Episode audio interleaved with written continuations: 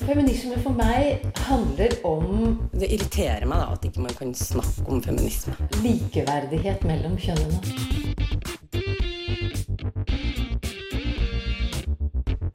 Det blikket på kvinnen på film. handlet det om å bli tatt på alvor som jente.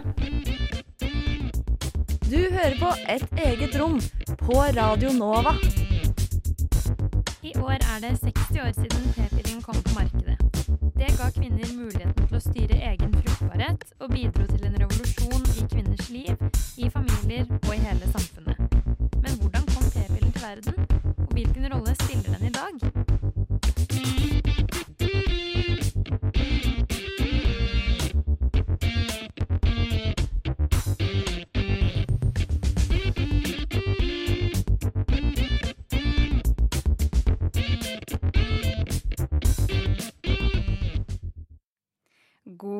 mandag morgen og hjertelig velkommen til Et eget rom. Jeg heter Anita Kristiansen. Tekniker i dag er Ragnhild Bjørlykke.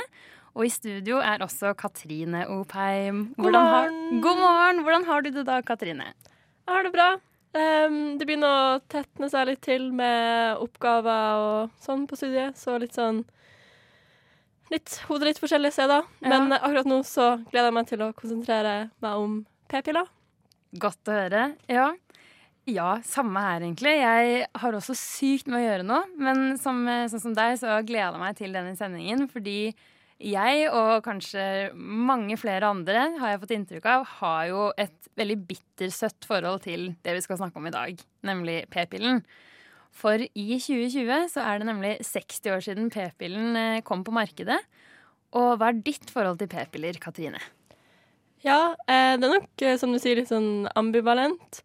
Jeg husker da vi gikk på ungdomsskolen og folk begynte med p-piller og sånn, og det var, føltes veldig stort og voksent og måte noe som vi skulle skjule, fordi det betydde at vi var seksuelt aktive. Ja. Og, sånn, og så har det bare blitt en så sjølsagt ting at man Jeg føler vi snakker ganske lite om det. Eller sånn Det er jo ofte noe man ja, kanskje chatter litt med jentene sine om. Jeg har aldri brukt ordet chat før, jeg skal aldri gjøre det igjen. um, men um, ja, det er på en måte Som ofte så er- prater man jo om det. uh, det blir jo litt klaging, da, på bivirkningen. Ja, ikke sant.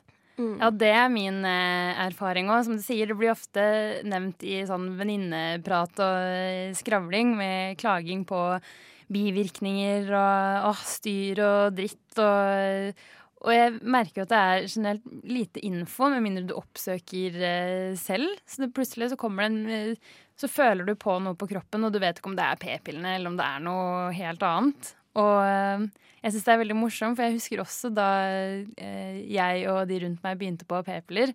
Og som du sier, så var det jo litt flaut. Så jeg husker veldig mange Ja, jeg har begynt på p-piller. Men det er for å regulere mensen, altså. At man skulle unnskylde seg eh, veldig, da. Og det var sikkert eh, situasjonen for eh, noen, men det var ikke situasjonen for meg. men det var fortsatt eh, unnskyldningen jeg brukte.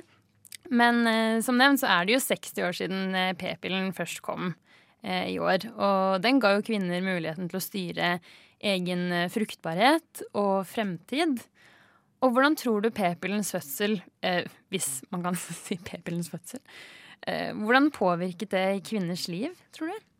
Ja, jeg tror eh, det er det jeg har savna litt å snakke om før, da. Eller sånn Fordi det kan jeg egentlig ikke overvurdere hvor viktig det har vært. Altså, det kom jo samtidig som mange andre viktige ting, da, som kvinner som kom ut i arbeidslivet og inn i politikken, og var jo veldig viktig for at de tingene kunne skje i det hele tatt.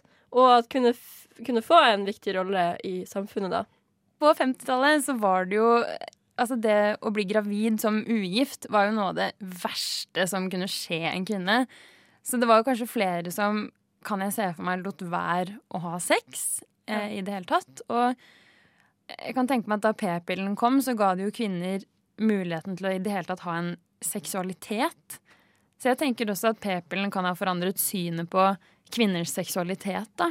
Ja, sant. Og jeg tror veldig mange av de forestillingene om eh, det eh, fortsatt henger igjen fra gamle dager, da, ikke sant? når man hadde det behov for de her forestillingene om Eller et slags behov, da, for forestillingen om eh, jomfrudom og jomfruhinne, og Ja. em, liksom når hva var trygt, og, eh, og ikke minst eh, revolusjonerende for eh, nytelse, da. Ja. Og på lørdag så ble jo Verdens prevensjonsdag markert på hovedbiblioteket i Bjørvika. Og bak markeringen så sto organisasjonen Sex og politikk sammen med flere av deres eh, medlemsorganisasjoner. Og der var også vår egen Linda Therese Rosenberg for å snakke med noen av deltakerne. Og etter vi har hørt henne, så skal du få servert Lucy Love med Tame Impala. I dag er verdens prevensjonsdag. Og akkurat nå som vi sitter her, så kjemper min venninne i Etiopia for å få tilgang til prevensjonsmidler for sine pasienter. Fordi kapasiteten på sykehusene og klinikkene har vært svært redusert. Forsyningsruter har vært blokkert, og områder har vært under lockdown. Det er på tide å ta tak i konsekvensene av den globale mangelen på prevensjon som har oppstått i forbindelse med covid-19 og i det globale sør. Anab Ovidia Gran i bistandsorganisasjonen KFKK5 Global var en av flere som deltok i markeringen av verdens prevensjonsdag lørdag 26. september. I et år hvor p-pillen feirer 60 år, og et koronavirus har skapt en global pandemi. Og siden pandemien brøt ut, har det blitt rapportert om en eksplosjon i antall graviditeter, der en av grunnene er den manglende tilgangen til prevensjon. Det vil derfor være ekstra spennende og ganske skummelt å se faktisk hvor mange jenter og kvinner som returnerer til skolebenken når universiteter og skoler åpner igjen. I mange land har ledere vært tvunget til å prioritere smittevern og behandling av covid-19-pasienter. Dermed har andre helsepolitiske spørsmål blitt nedprioritert. Og de landene som allerede ikke har SRHR som et prioritetsområde, kommer til å slite ekstra mye etter konsekvensene av covid-19. Og tenk deg at du skulle gå til apoteket for å kjøpe p-piller, men apoteket er stengt, og du vet ikke når det kommer til å åpne igjen. P-pillen og andre prevensjonsmidler har hatt en medisinsk, kulturell og sosial betydning i samfunnet. Særlig har den vært viktig for den sosiale utviklingen de siste 60 årene, forteller Grete Herrelavsen i Norske kvinners sanitetsforening. P-pillen har jo vært viktig med tanke på sosial utvikling, fordi at den ga kvinner rett til å bestemme over hvor mange barn de skulle ha, og når de skulle ha de barna. Og Det er jo ett av mange prevensjonsmidler som har bidratt til dette. Men det er jo sånn at ingen velferdsordninger kan innføres i et land som hvor man ikke har kontroll på hvor mange barn som blir født. Sånn at For Norges del, når, vi, når kvinner selv kunne ta kontroll over eget liv og egne barn, så kunne vi innføre velferdsordninger som, som trygdeordninger, permisjonsordninger osv. som gjorde at kvinner også kunne ta del i samfunnslivet og ikke bare være mødre og passe barna sine. Norske organisasjoner har i flere år jobbet med seksuell og reproduktiv helse og rettigheter. Ikke bare i Norge, men også i stor grad globalt. Og en av utfordringene man har sett, det er økonomi.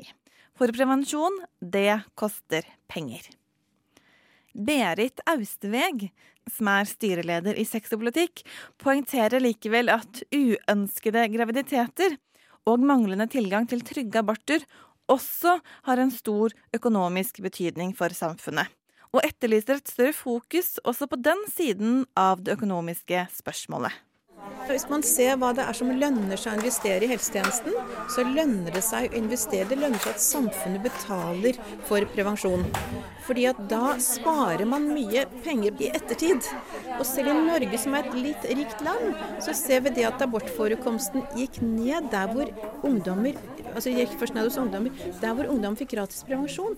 Det å kjøpe seg prevensjon, det er det mange som ikke kan gjøre av forskjellige grunner. Og jeg vet ikke helt hvorfor, men selv i et så rikt land som Norge, så viser det seg altså at gratis prevensjon gjør at de uønskede graviditetene og abortene går ned. Og da er det enda mye viktigere i fattige land, hvor særlig ungdommer har så liten kontroll over økonomi og så lite tilgang til, til penger. Og f.eks. behandling av abortkomplikasjoner, som først er en grusom ting å oppleve, og en del dør jo faktisk av det. Men behandling av abortkomplikasjoner som kan redde mange liv, er kjempedyrt, og mye dyrere enn å gi trygge aborttjenester og gi prevensjon. I forbindelse med seksuell og reproduktiv helse og rettigheter har man flere ganger sett at det også blir et spørsmål om seksualmoral. Derfor bør vi jobbe for å gjøre det til et spørsmål om rettferdighet, mener Berit. Og tenker jeg Hvis du går inn på et sånn bestemt tidspunkt, og så skal man liksom i land som er på forskjellige stadier med dette her sånn, kan bli enige om hvordan, hva slags seksualmoral skal man ha, glem det. det. Går ikke an å bli enige om en global seksualmoral. Men det som jeg tenker som vi kan bli enige om i verden, er det er så urettferdig at bare de fattige dør av abortene sine. Først får de ikke prevensjon, og så når de blir ønsket gravide, så må de ta en farlig abort fordi de har ikke råd til å kjøpe seg en trygg, lovlig abort, eller de bor et sted hvor det ikke er tilgjengelig. Det å si at det er så urettferdig, at det bare rammer fattige, at det bare rammer unge, at det bare rammer flyktninger, at det bare rammer, altså, altså, at det er sånn ulikhet, det tenker jeg det er veldig vanskelig å argumentere mot på et globalt nivå. Så Derfor tror jeg det er mye lettere å bli enige om det enn det er å bli enige om seksualmoral.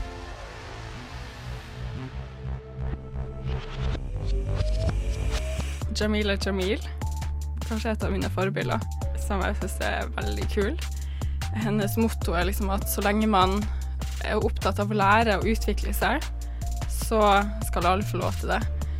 Så alle kan jo si dumme ting en gang iblant eller trå litt feil, men å da gå tilbake og liksom si unnskyld og jeg er fortsatt i utvikling og jeg lover å gjøre det bedre neste gang. Du hører på Et eget rom. Radio Novas feministiske program.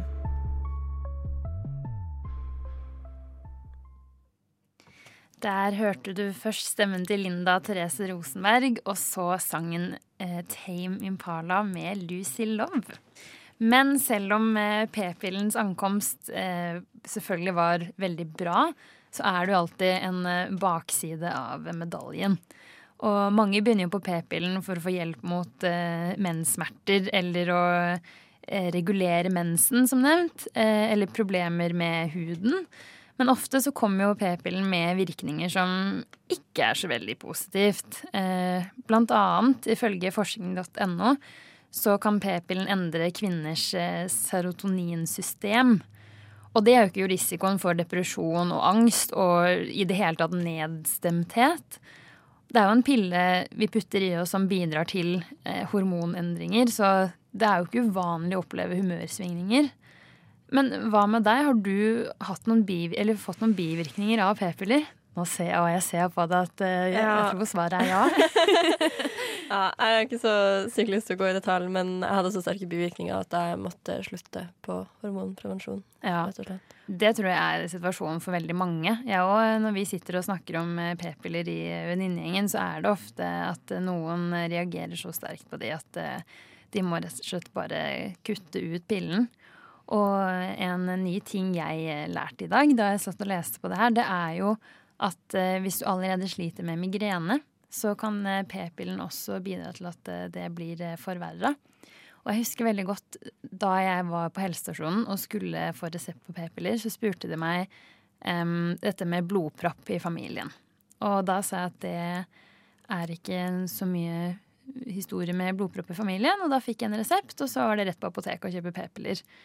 Men de spurte meg jo f.eks. ikke om dette med migrene, om det var noe jeg sleit med, eller historikken min med depresjon eller angst, f.eks. Ja. Det er faktisk nylig en dansk studie som viser at eh, selvmord og selvmordsforsøk er mellom to- og tredobla blant kvinner som bruker p-piller, og særlig blant unge. Og det er Altså, på et populasjonsnivå så er det jo kanskje ganske få prosent i utgangspunktet, men det er jo en ja, eller jeg syns det er bare så rart at det er sånn OK, sånne ting finner man ut først nå, kanskje. Ja. At man bare Ja, OK, um, det var jo sånn med um, Sånn man fant ut at å bruke p-piller også øker risikoen for blodpropp. At man så etter liksom 20 år så sånn Oi, her er det mange som har fått blodpropp.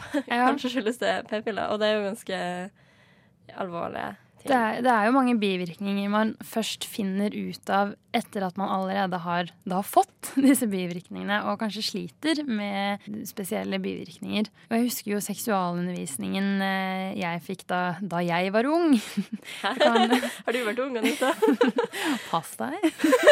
Eh, det kan godt hende er annerledes nå, men jeg husker jo at det eneste vi lærte, var at eh, dette er eh, prevensjonsmidlene dere kan bruke. Dere kan bruke kondom, det beskytter mot sånn og sånn. Eller dere kan bruke p-piller som eh, forhindrer eh, uønsket graviditet. Og, eller så finnes det p-plasser eller p-sprøyte. Vi lærte jo egentlig ikke så mye mer enn det. Og det er jo litt problematisk, syns nå jeg. Man burde jo være klar over hva man putter i, i kroppen sin. Og vi skal skravle mer om denne hersens pilla, men først Forget Me av Atari.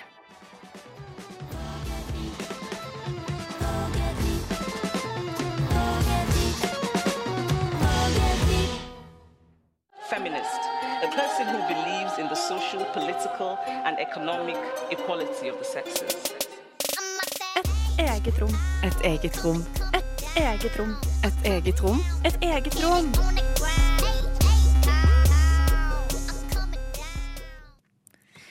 Der hørte du 'Forget Me' av Atari. Men jeg er litt nysgjerrig på hvordan p-pillen ble til, og dette har du sett litt på, Katrine. Ja. Egentlig ganske urovekkende, uetisk, lyssky måter. Men òg liksom Ja, jeg tenker det er viktig å tenke på, da, når, det, når vi snakker om noe som har vært så viktig. Og vi, nå har vi snakka litt mye om kanskje de negative sidene, og vi, må, på en måte, vi feirer jo egentlig at p-pillen har vært eh, til salgs i 60 år. Absolutt. Men for å ta det helt tilbake til eh, the roots, røttene, begynnelsen, okay. eh, så er det ofte um, Margaret Sanger som får æren for å på en måte ha starta starta um, jakten eller forskninga da på å utvikle et hormonpreparat som kunne brukes som prevensjon. Eh, og hun er kjent som ja, kvinnesaksaktivist, og det var hun som grunnla Planned Parenthood, som eh, mange sikkert har hørt om. Ja. Ja, og hun gikk da til eh, noen forskere på Harvard University, som var liksom de fremste på sitt felt. Eh, og de heter da eh, Pinkus og um, Rock. Eh, de hadde også fornavn, men jeg syns eh, etternavnene var mye artigere. så i historien så kommer det veldig tydelig frem at de to var konservative katolikker som ville ta sterk avstand fra alle, alt som hadde med liksom seksuell frihet å gjøre, da. Ja. Eh, ja. Så han ene uttalte jo at han ja, at han bare ville gjøre det i vitenskapens navn, og da ikke for å dekke samfunnsbehov. Mens eh, Rock da, han fant en helt annen måte å forsone forskninga si med livssynet sitt. Fordi ja, man skjønte jo at kanskje det, dette kom til å ha store konsekvenser. Ja. Men hans motivasjon var rett og slett altså rasehygiene. Fordi eh, han var bekymra for Eller bekymra for at USA eh, var i ferd med å bli overbefolka, og at det var rota til mange sosiale problemer. Så han ønska rett og slett å begrense befolkningsveksten hos de som han anså som mindreverdige. Altså fattige amerikanere i, med overvekt av ikke-hvite folk. Eh, og svarte amerikanere. Så det var ganske eksplisitt, da, at han brukte det til å begrunne flere sånne ganske uetiske forskningsforsøk. Ja. Så blant annet så ble, ble det forska på veldig svært psykisk syke pasienter som ikke kunne gi samtykke. Og for å få lov til å gjøre det, så sa han at han skulle eh, forske på et sovemiddel eh, i stedet for eh, ja, det p-piller var. Og han eh, gjorde blant annet eh, ja, kirurgiske inngrep på livmorene deres da, for å undersøke effektene. Så disse var rett og slett eh, prøvekaniner. eh, Marsvin, uten å være klar over det. Ja. Og han var jo eh, det, det var jo på en mye mer Mye mer eh, vanlig å gjøre uetiske forsøk. Eller på en måte den, det vi tenker på som etisk forskning, var kanskje ikke helt utvikla ennå. Men samtidig så fikk han veldig mye kritikk i samtida si. og spesielt da han bestemte seg for å masseteste p-piller i Puerto Rico, eh, og samla en gruppe fattige, svarte kvinner da, som eh, skulle ta p-piller og eh, ja, se om de ble gravide da, eller ikke, rett og slett. Og Puerto Rico var jo en av de stedene som eh, bekymra de her rasehygienerne mest, da. Så det var faktisk veldig vanlig også i det området at kvinnen var blitt sterilisert av myndighetene for å eh, begrense Ja. Begrense befolkningsveksten, da. Og det er jo kjempeekkelt å tenke på, og ekstra problematisk fordi sant, da testinga var ferdig, så fikk de ingen kompensasjon. Og de fleste hadde jo heller ikke råd til å kjøpe medisin da, de, det, det, hadde kommet kom på markedet. Og i tillegg så var det jo ingen som visste om eh, bivirkningen og hvilken effekt piller kunne ha på eh, sikt. da. Og her kommer jo vi inn på alt det her, alt det her med økt risiko for bry- brystkreft og Hva var det vi snakka om i stad, Anita? Depresjon, eh, selvmordsforsøk, Uh, you name it. Og det her er jo nytt uh, for meg. Det er jo rett og slett kjempesjokkerende. Og jeg har jo gått rundt Eller da vi skulle ha sending om det her, så tenkte jeg at uh, fordi det var, vi skulle feire at det var eh, 60 år siden p-pillen kom, så antok jeg at eh, Vet ikke om det kanskje det er litt naivt, men jeg antok jo at den p-pillen ble oppfunnet for å gi kvinner muligheten til å planlegge egen framtid. Så eh, det her eh, er rett og slett veldig sjokkerende, og ikke slik jeg hadde trodd. Og vi skal jo komme tilbake til det her, men vi skal også først høre Kaspara med sangen 'Tilfeldig'. Iallfall ti, og det betyr et eget rom. Du hører på Et eget rom. Ja, klokken er ett minutt over ti, og du hører på et eget rom her på Radio Nova. God mandagsmorgen. Du hører på Radio Novas feministiske radioprogram. Eh, du hører på Radio Nova. Eh, et eget rom. Der hørte du 'Tilfeldig' av Kaspara. Og selv om p-piller er til veldig stor hjelp når det kommer til å hindre uønsket graviditet, så betyr det ikke at det er like tilgjengelig i hele verden. Og p-pillen har fått eh, for eksempel en Det har spilt en veldig viktig rolle for, å, for det å løfte befolkninger ut av eh, fattigdom. Og et eksempel på det er jo etter borgerkrigen, eh, borgerkrigen i Etiopia i 1974. Da bodde det jo omtrent 60 millioner mennesker i Etiopia, og landet hadde blitt blant verdens aller fattigste stater, og halve befolkningen var under 15 år. Og befolkningen vokste også rundt 3,5% i året. Og for å få ned fødselstallene så vedtok da myndighetene å rulle ut et nasjonalt familieplanleggingsprogram. Og slike kampanjer har fått, eh, har fått æren for at mange land i f.eks. Asia og Latin-Amerika har klart å løfte befolkningen ut av fattigdom fra 1960-tallet utover. Eh, Men mange av disse programmene har jo også vært veldig kontroversielle. I Kina så ble det jo forbudt å få mer enn ett barn, og i India så ble millioner av innbyggere sterilisert. Og mange mener at denne typen befolkningskontroll umulig kunne rettferdiggjøres. Ja, det er jo eh, en lang historie med at staten på en måte prøver å kontrollere kvinnekropper på den ene måten eller den andre, da. Eh, men jeg tenker i et bistandsperspektiv så er det jo eh, viktig å tenke på prevensjon, eh, ikke bare som noe som gir kvinner frihet til å ha et eh, eget sexliv, men det gir også eh, færre fødsler. Og i eh, fattige land så er det veldig mange som dør i forbindelse med graviditet og fødsel. Ja. Så prevensjon redder jo også liv.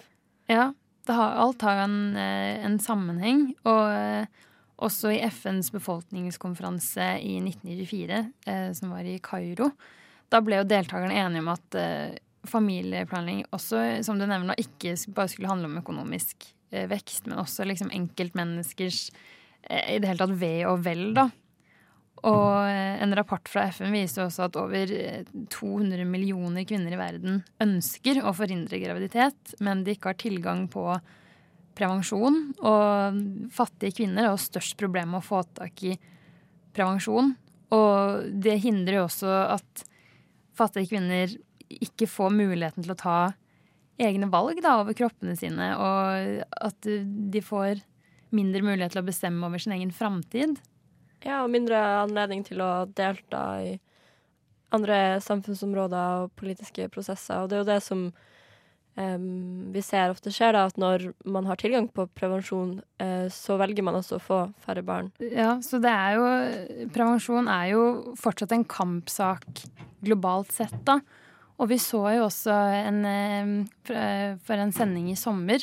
Jeg hadde vært på apoteket midt under denne pandemien. Skulle ha p-piller på apoteket, og der fikk jeg vite at det var ekstremt begrensa med p-piller. Og var, grunnen til det var at flere fabrikker, og de fleste ligger da i Asia og Sør-Amerika, de var rett og slett stengt. Og det var jo litt vanskelig å få tak i prevensjon i Norge, men på ingen måte umulig. Men i flere land så var det jo faktisk helt umulig å få tak i, i p-piller. Og eh, hvorfor prevensjon fremdeles er en kampsak globalt sett, det skal Linda Therese Rosenberg se nøyere på. Hvem bestemmer over livet ditt? Er det du sjøl? Over 200 millioner kvinner og jenter i utviklingsland har ikke tilgang til ønsket prevensjon. Fordi det ikke er tilgjengelig, de vet ikke hva det er, fordi det er for dyrt, eller fordi de ikke får lov av mannen sin. Prevensjon er med andre ord fremdeles en viktig kampsak globalt sett. Jeg heter Gro Lindstad. Jeg er eh, daglig leder i eh, en stor norsk paraplyorganisasjon som heter Fokus, Forum for kvinner og utviklingsspørsmål. Fokus er en av flere norske organisasjoner som jobber internasjonalt, bl.a. med seksuell og reproduktiv helse og rettigheter, eller SRHR. Lindstad mener det er flere grunner til at mange jenter og kvinner mangler tilgang på sikker prevensjon. I mange tilfeller så handler det om at det er et eh, fattigdomsspørsmål. for dette handler om økonomi og et klassespørsmål. Fordi at eh, prevensjon og tilgang til helsetjenester koster penger. I andre tilfeller så er det langt til en eh, helsestasjon hvor man kan få prevensjon. Eh, og så i andre tilfeller så er det faktisk sånn at land har lovgivning som begrenser mulighet til tilgang til prevensjon. Mange plasser så handler det om vilje. Tor Tugne Olsen er daglig leder i Sex og politikk, som jobber for å styrke og informere om SRHR i Norge og internasjonalt. At regjeringen ønsker og tror, eller skal jeg si håper, at sex er noe som foregår etter at man er gift. Og så vil man helst at når man har gifta seg, så skal man få en masse barn. Og dermed så, så har man eh, mindre prioritet på det, og kanskje særlig ingen prioritet på de som ikke er gifte økonomi og politisk motvilje. Men Olsen peker også på en religiøs motvilje. Det handler både om strenge holdninger til prevensjon og et negativt syn på sex utenfor ekteskapet. Og I tillegg til det, hvis jeg kan legge til, så handler jo dette også om hvordan skolevesen i ulike land har seksualitetsundervisning på skolen. Fordi at i mange land så er jo både myndighetene og eller foreldre inne og avgrenser muligheten til hva som kan undervises om. Jeg har sittet i møter i FN hvor f.eks. Eh, land i Midtøsten sier det at nei, seksualitetsundervisning i skolen skal ikke foregå, fordi det er foreldrenes oppgave å fortelle barna hva vi ønsker å fortelle dem. De siste årene har flere konservative politikere fått politisk makt. Og selv om det har vært noen overraskende tilbakeslag, særlig når det gjelder abort, mener Olsen at det totalt sett er positivt. Tilbakeslagene har vel kanskje egentlig ikke kommet så mange plasser, men diskusjon har vært der. Man ser at eh, det kommer forslag, eh, men til syvende og sist så, så er det ikke så mange av de som går igjennom, heldigvis. Men det at man har diskusjon, er jo en overraskelse. Også Lindstad mener vi finner både positive og negative utviklingstrekk når det gjelder SRHR-arbeidet. Samtidig som regjeringen i Polen og Ungarn får mye oppmerksomhet, så er det jo ting som skjer i mange andre land ved at kvinner er i jobb. Jenter får utdanning, og med utdanning så får de kunnskap. Både Olsen og Lindstad peker på at koronapandemien har hatt mye å si når det gjelder seksuell og reproduktiv helse.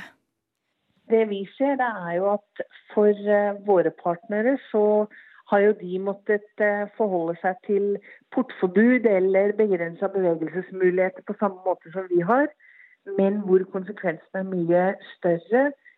Kvinner som da sitter innestengt, har ikke muligheten til nødvendigvis å komme seg ut og få oppsøkt klinikk. Eh, noen ganger er det sånn at klinikkene har begrenset åpningstid, som også gjør at tidene på døgnet blir vanskelig for kvinner. Samtidig som helsetjenester har vært mindre tilgjengelige eller utsatt, har tilgangen til prevensjon flere steder ikke blitt sett på som nødvendig. Alt dette mens man har blitt tvunget til å være mer hjemme, og annet har hatt mer sex. Og det har ført til flere graviditeter rundt omkring. Og nå ser vi eh, mange plasser at det fører også til flere barneekteskap. Og vi regner med at vi også da vil se en økning i utrygge aborter i de landene hvor det er begrensa abortmuligheter, som nok også kan føre til dramatiske konsekvenser for enkelte jenter og damer. Når det gjelder de langsiktige virkningene, mener Olsen at mye vil være avhengig av hvor fort man får på plass en vaksine. Samtidig har pandemien gjort at man i SRHR-arbeidet har blitt mer digitale og mer kreative, noe han tror man kan ta lærdom av i det videre arbeidet. Blant våre søsterorganisasjoner f.eks. så er det med å, å, bruke WhatsApp eller Facebook eller andre sosiale medier hvor ungdommer er, blitt mer vanlig. Og kanskje en del av det faktisk vil føre til varig bedring. At det er en del av de endringene som man på en måte blir tvungen til nå under covid-19. kan være ting som, som, fortsetter etter at en pandemi er over også. Fordi at man ser at man når mange og lenger unna enn det man vil gjøre med tradisjonelle metoder. Gro Lindstad mener likevel at penger kan bli en utfordring i det langsiktige arbeidet etter pandemien. For når landene får dårligere økonomi, blir det mindre penger til bistand og mer kamp om pengene. UN Women, som Fokus også samarbeider tett med og er samarbeidspartner med, har jo gått ut og sagt slagordet 'build back better'. Altså bygg tilbake bedre enn det det var. Og det er jo det vi også forsøker å drive pådriverarbeid for. Du hører på Et eget rom.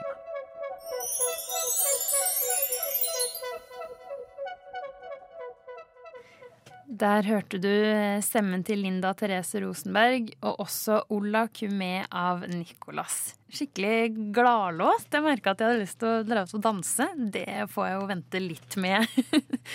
Eh, men Katrine, har du noen nye refleksjoner rundt dette med p-piller og prevensjon etter eh, at vi har skravla litt i dag? Ja, virkelig. Sånn Det har jo vært liksom godmodig skravling, og vi har hatt det ganske koselig her. Men samtidig så har vi vært innom mange dystre tema med liksom rasehygiene og populasjonskontroll og tvangssterilisering og sånn, selv om vi bare skulle snakke om den flotte ja. p-pilla. Men jeg tenker det viser jo at um, det med altså seksuelle og reproduktive rettigheter og tilgang til prevensjon, blant annet, det handler jo om at kvinner sjøl skal ha autonomi til å ta valg som handler om sin egen kropp. Jeg ble jo rett og slett helt uh, tom for ord. Uh, der, for jeg visste jo ikke dette på forhånd før vi kom inn i studio. Og da satt jeg og tenkte at det er så utrolig mye vi ikke vet om uh, både historien, om hvordan p-pillen kom på markedet, men også p-pillen i seg selv og hva den gjør med kroppen, og ansvaret for informasjon om både eh, historie og testing og bivirkninger ligger jo veldig mye på eh, enkeltmennesket, da. Ja, samtidig som eh, noe sånt som 20% av norske kvinner i, i uh, reproduktiv alder, som det så fint heter. Eller ja, jeg vet ikke. Mellom ja. Ja, det er fint, det. Reproduktiv ja, alder. Det kan jo variere veldig, det. ja, ikke sant. Eh, bruke p-piller da, som prevensjon. Ja. Og enda flere bruker varianter av hormonell prevensjon som har kommet senere, da. Ja, For jeg merker jo det at eh, jeg lærer nye ting om eh, p-piller og annen prevensjon eh, hver dag omtrent. Og det kommer alltid som en liten overraskelse. Jeg var jo på helsestasjonen for ikke så lenge siden med en venninne for å lære mer om dette med hormonspiral.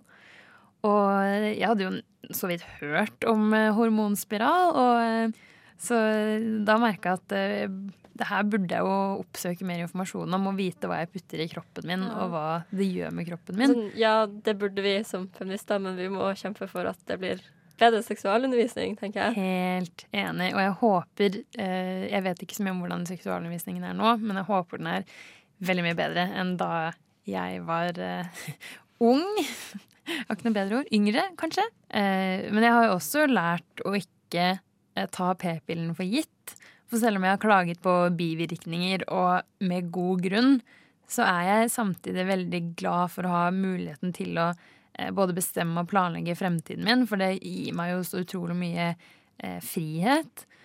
Og som sagt, som jeg nevnte helt i starten, så har jeg jo et veldig bittersøtt forhold til p-pillen, men jeg er jo glad for den muligheten det gir meg, og nå etter i dag så har jeg begynt å tenke på hvordan hadde livet mitt vært eh, uten p-piller? Eller uten eh, Ja, uten p-piller.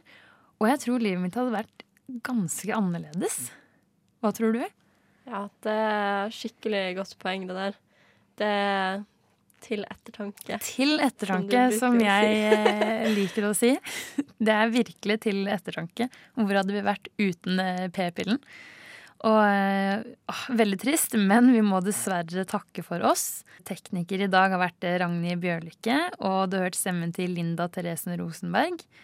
Og i studio så har du hørt eh, -huh. Uh -huh. Og meg, Anita Kristiansen. Uhu for meg òg. og på vei ut så får du sangen 'Kona og ikkje ein mann' av Føkkefjord, og deretter 'Klang ruler' med Icon. Ha en, uhu, ha en god mandag!